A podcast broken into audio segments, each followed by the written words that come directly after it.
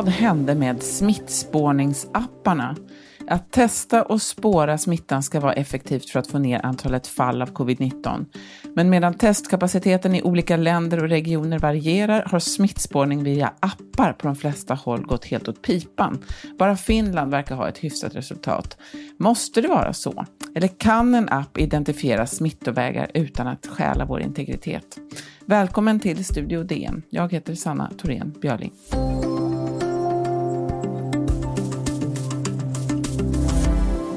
En smittspårningsapp slår larm om man har varit nära någon som har varit smittad och om många använder samma app. Men framgångarna eh, med de här försöken har varit minst sagt blandade. Om det här ska vi prata med Linus Larsson, teknikreporter på DN. Välkommen! Tack! Eh, du, en app med smittspårning, vad krävs för att en sån ska fungera? Ja, dels så krävs det naturligtvis att den har tekniken på plats som, eh, kan, så att den kan registrera vilka personer som har varit nära varandra tillräckligt länge för att det ska finnas risk för smitta. Men det krävs också att väldigt många människor använder den här. Och det här är ju, åtminstone i Europa, eh, frivilligt. Vem, den som vill laddar hem den och behåller den installerad i sin telefon eller aktiverar eh, Eh, den här funktionaliteten. Och där har man haft stora problem. Det är, många av länderna har haft eh, på tok för få som har börjat använda dem för att det ska få någon eh, större effekt. I Norge så stoppades eh, deras app, den här Smittestopp, efter kritik från Amnesty som menade att den var extremt integritetskränkande. Och det där problemet med integritet det har ju förekommit på flera håll. Eh, kan man komma runt dem och hur ser de där problemen ut?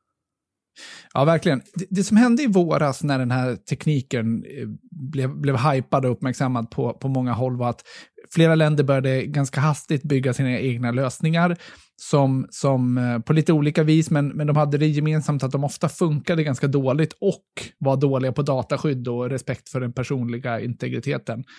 Um, det, det, där ledde till att vissa fick, fick bromsa och dra tillbaka sina appar. Det hände där till exempel i Norge efter, efter, efter kritiken. Och sen har många försökt göra en omstart. Man får ju komma ihåg att eh, det är ju potentiellt väldigt känsligt med smittspårningsappar. Eh, man hanterar information om vilka människor som har eh, varit nära varandra. Man hanterar uppgifter om, om, om sjukdom och smitta. Det är, liksom, det, det är ett riktigt eh, Eh, minfält av, av eh, av, av, risker vad gäller den personliga integriteten. Eh, det, det de flesta har gjort nu när de har försökt starta om det här, det är att de eh, börjar använda ett system som, som Apple och Google gemensamt har, har eh, etablerat och som idag faktiskt finns i, i till exempel varenda iPhone, så man kan eh, aktivera det. Det är ett system som är byggt då för att, hålla, för att vara så anonymt som, som det överhuvudtaget eh, kan vara, till och med på bekostnad av hur, hur effektivt det är. Då som ett försök att få fler att ändå vara beredda att vilja, vilja använda eh, eh systemet. Så att det har begåtts absolut stora misstag där, men, men jag skulle ändå säga av de tekniker som finns tillgängliga idag så är nog det och det är också det som används i Finland till exempel. Eh, och de flesta anammar när de gör omstarter nu. Eh, den, mest, den som respekterar den personliga integriteten bäst. Man ska inte säga att det är perfekt. Eh, system brukar aldrig vara det. Det brukar man få äta upp i efterhand om man ger sådana löften. Men det, av det som finns så är det nog det bästa åtminstone. Men det måste ju ändå vara så att eh, det måste ju ändå... Tanken är ju just att man ska identifiera folk. Eh, så att man kan ju inte göra det helt eh, anonymiserat, alltså man kanske kan vara anonym, men man måste ju kunna veta vilka som har varit på en, på en viss plats. Det måste ju vara själva poängen.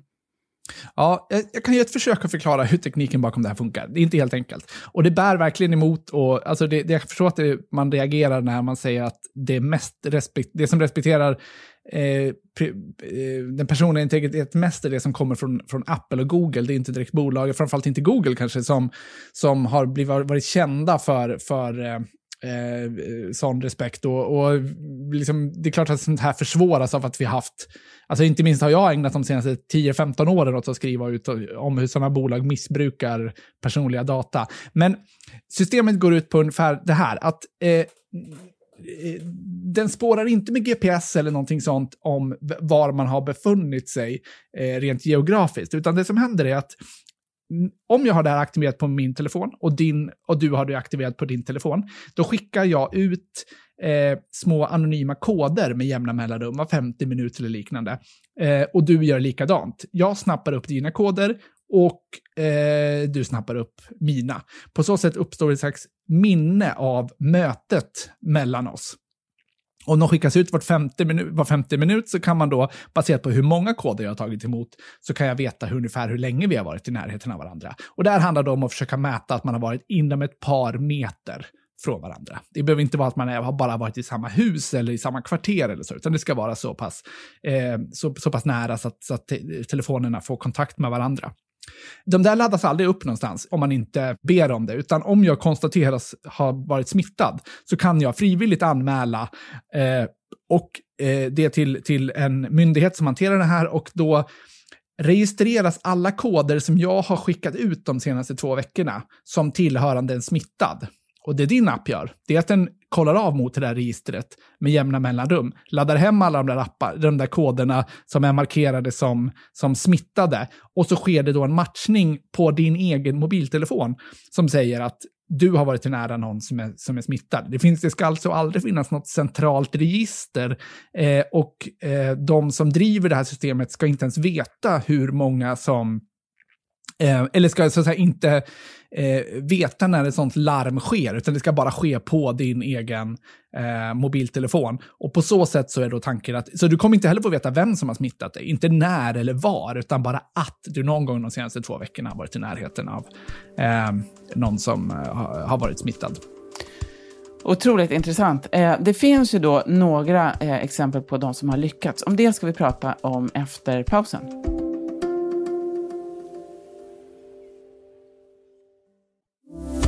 Studio DN idag med Linus Larsson om de oftast misslyckade apparna för smittspårning.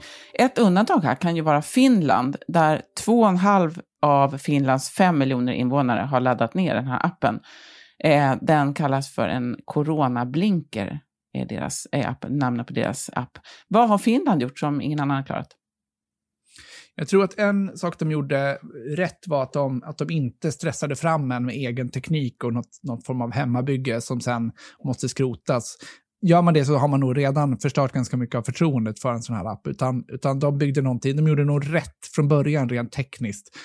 Och sen har de väl lyckats bygga förtroende för att eh, eh för att det är värt att använda det och, och, och, det kan ju också ha att göra med sånt som att det är Eh, samhälle med, stor, med stort förtroende för, för, för myndigheter och, och, och så. Sånt kan ju verkligen spela in.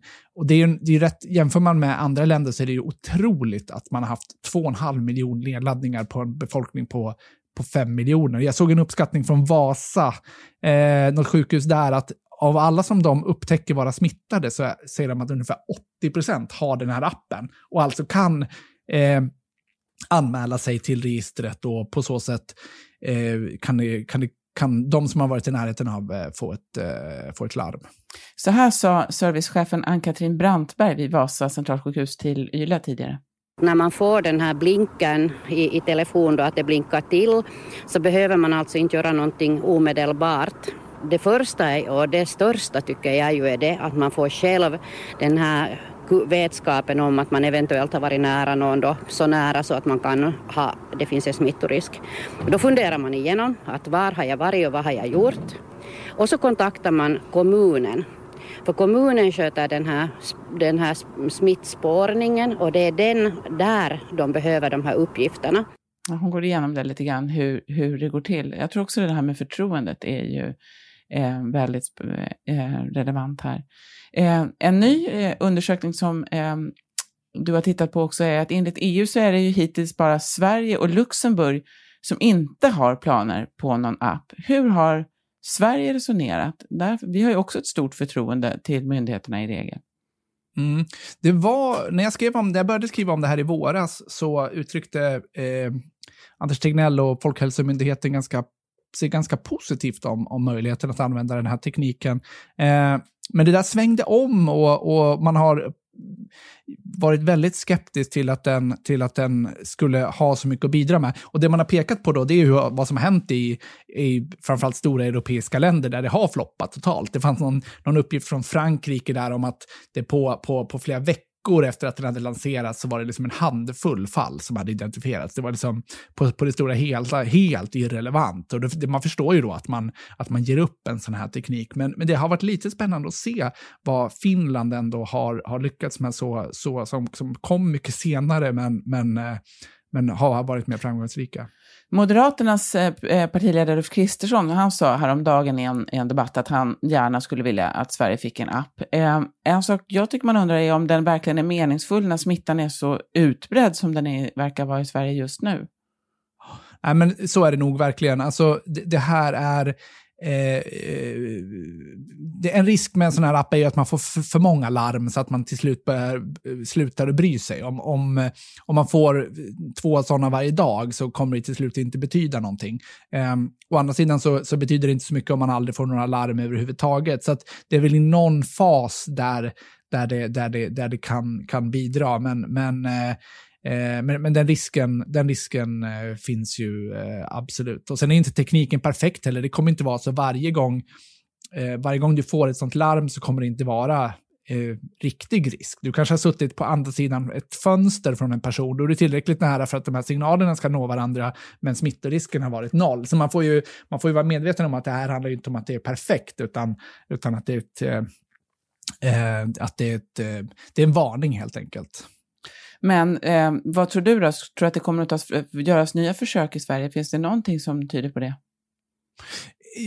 Jag har inte sett några som helst tecken på att eh, om det då skulle vara Folkhälsomyndigheten så tycks det inte finnas några som helst initiativ för eh, någonting sånt. Det finns andra appsatsningar, lite privatdrivna och någon, något universitet som driver, men det är, inte, det är en helt annan typ av appar. Det är inte sådana för att spåra kontakter, utan samla, folk får fylla i om, berätta om sina symptom och så. Vet du något om, eh, om andra länder eller andra eh, initiativ utom de här i Finland? Är, är det ungefär samma problem de har haft eller samma, det stora problemet är att allt för få laddar ner den alltså? Ja, ja men så är det verkligen. Eh, ta Frankrike till exempel, gjorde en omlansering nu i, i, under hösten och, och släppte en helt ny app under ett eh, under, ombyggd och under ett nytt namn och så. Och då har, då har eh, eh myndigheter och ministrar, till, till och med regeringen, verkligen bett folk att, att uh, fler måste ladda hem det. Det var en minister som sa till exempel att minst 20 procent av, av befolkningen måste ha laddat hem den för att den ska få någon effekt att uh, tala om.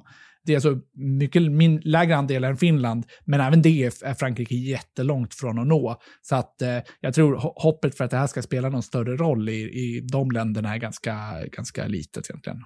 Men det finns också EU eh, har ett, ett projekt för att eh, samordna appar i, i, så hög grad som möjligt. Så att den app man använder i Tyskland ska kunna funka tillsammans med den man använder i Italien till exempel. Och så eh, så att det, det, rör ju på sig där och det kan ju vara någonting som kommer kanske spela roll lite längre fram. Eh, skulle du ladda ner den då? Om det fanns en? Om den, ja, det är en bra fråga. Ja, om det såg ut som att det verkligen skulle bidra och det är byggt tekniskt på ett, på ett väldigt sofistikerat sätt så skulle jag kanske göra det. Men, men som journalist är man ju extra noga med att inte bli spårad via, via mobiler och sådär. Så att jag skulle tänka både en och två gånger. Och det tycker jag man ska göra också. Man ska inte bara hoppa på sånt där. Det var ganska vårdslöst skött där i början. Det var, det var lite, lite vilda västern i hur de byggde, så den kritiken var ju ofta väldigt befogad. Tusen tack Linus Larsson, teknikreporter på Dagens Nyheter. Tack. Imorgon handlar Studio DN om kändisreklamen för kryptovalutan bitcoin, där välkända svenskar påstås ha blivit stormrika genom snabba investeringar. Bluff visade sig. Studio DN görs för Podplay av Sabina Marmelakai, exekutiv producent Augustin Erba, ljudtekniker Patrik Miesenberger och teknik Oliver Bergman, Bauer Media. Jag heter Sanna Thorén Björling.